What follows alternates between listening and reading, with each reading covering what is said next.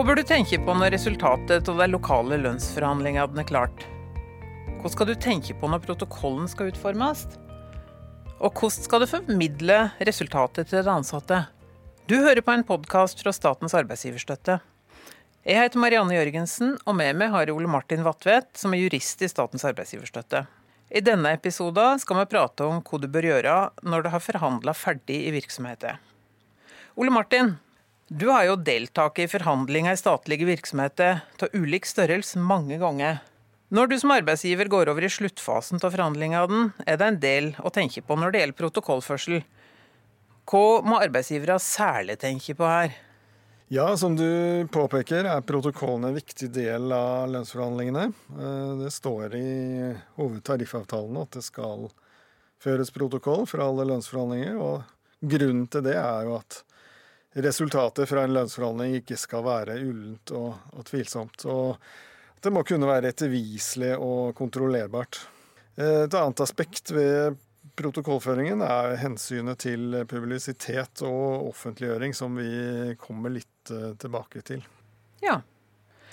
Min erfaring er jo at du kan være ganske sliten når du nærmer deg slutten på lønnsforhandlinga den. og det er jo ikke da du tenker klarest. Og da skal han i gang med protokoll. Eh, har du noen tips til hva en kan gjøre i forkant av selve forhandlingene, for at arbeidet med protokollen skal bli så enkelt som mulig? I forbindelse med de årlige lokale lønnsforhandlinger er det lurt å tenke på slike forhold allerede på et forberedende møte. F.eks. at dere som parter blir enige om å bruke en viss tid på å dobbeltsjekke at protokollen er korrekt, og at det ikke har sneket seg inn skrivefeil i, i navn og, og summer. Det er fort gjort når det ofte dreier seg om så mange navn. Og det er jo ikke moro å komme i ettertid og si til en ansatt at vedkommende ikke fikk lønnspåslag likevel, og at det er feilskrift i, i protokollen.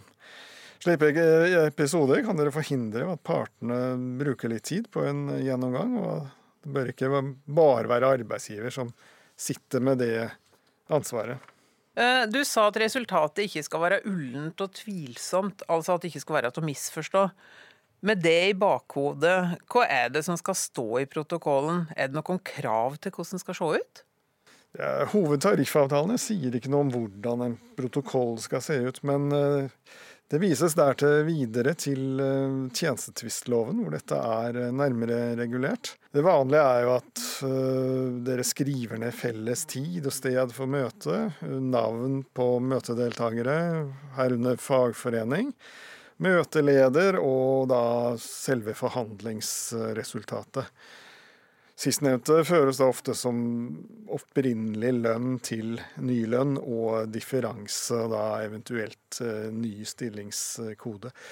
Dette er jo også litt avhengig av hvilke virkemidler som, eh, som er benyttet. Det bør jo også stå hvilket formelt uh, grunnlag det er forhandlet etter, f.eks. For hovedtariffavtalene, punkt 251, som er utgangspunktet for de årlige forhandlingene. Så protokoller må også underskrives av eh, partene. Partene har også rett til å nedfelle bemerkninger og innsigelser i form av såkalte protokolltilførsler dersom det skulle bli aktuelt. Da vet vi eh, hvordan en protokoll skal se ut hvis partene blir enige.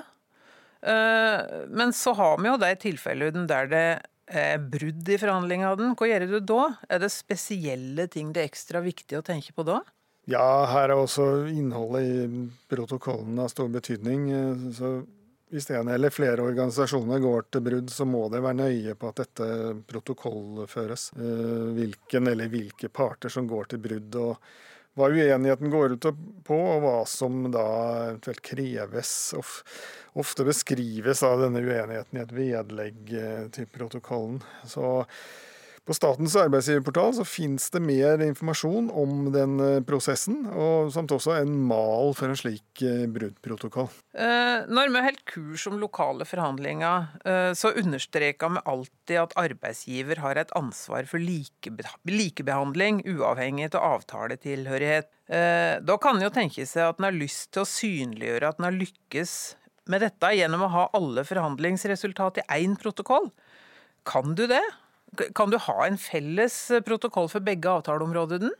Det spørs eh, litt hva du mener med felles eh, protokoll. Eh, det er ikke slik at dere kan blande sammen avtaleområdene og forhandle om hverandre. Så hvilke parter av tariffavtaler det dreier seg om, det må komme klart fram. Formelt skal tariffområdene holdes separat. Men det er selvfølgelig mulig av praktiske årsaker å ha en samlet protokoll, hvis det klart framgår hvilke avtaler resultatene har blitt framforhandlet. Akkurat.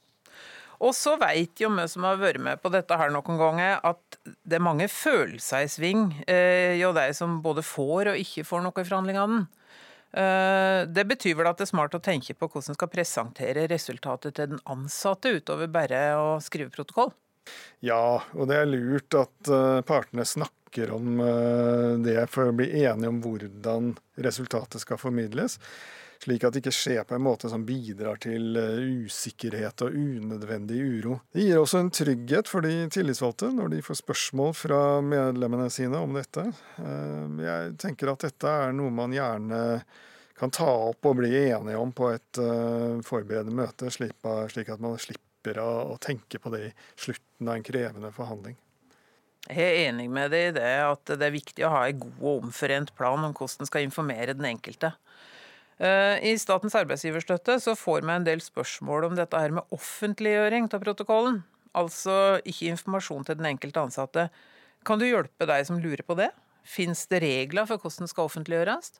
Det er jo mange som lurer på resultatet av lønnsforhandlingene og, og gjerne vil se protokollene.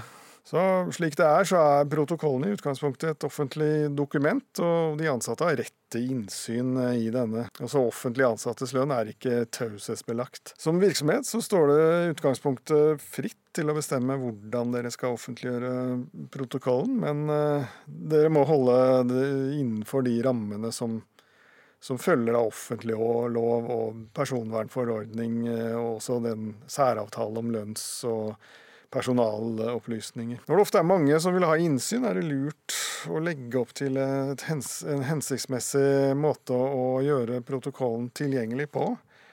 Det er slik det ofte blir gjort, det er jo f.eks. å legge den til innsyn på et forværelse eller på et bestemt kontor som er lett tilgjengelig for de ansatte i en viss periode etter forhandlingene. Og dette gjelder altså virksomhetens aktive offentliggjøring. Så i det protokollene er offentlige dokumenter, så gjelder jo også innsyn på vanlig måte etter offentleglova, altså etter en ordinær innsynsbegjæring.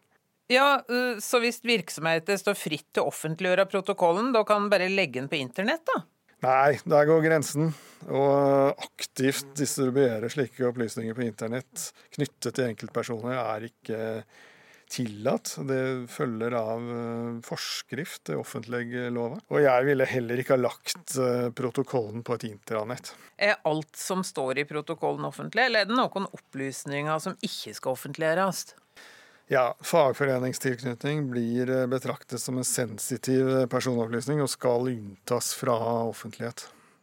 Eh, men bortsett fra dette her med offentliggjøring og det, hva, hva gjør du med protokollen etter at alt er over? Ja, Det er dokumenter som skal lagres.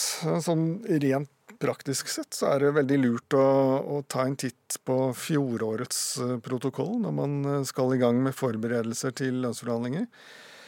Spesielt med tanke på eventuelle protokolltilførsler osv. F.eks. For i forbindelse med prosessen som har vært gjennomført, som, og som partene har blitt enige om, som, som kan ha betydning for, for, hvordan dere forbereder kommende prosess. Det syns jeg var et godt råd å avslutte med. Eh, takk for at du har delt eh, innsikt og erfaring eh, om dette med protokoll, Ole Martin. Vi håper at du som har hørt på denne episoden, fikk nyttige råd om hvordan du skal jobbe med protokollen, og hvordan du bør formidle resultatet av de lokale lønnsforhandlingene. Vi minner også om at vi har laga to episoder tidligere om lønnsforhandlinger. Du finner begge to under DFØ-podden.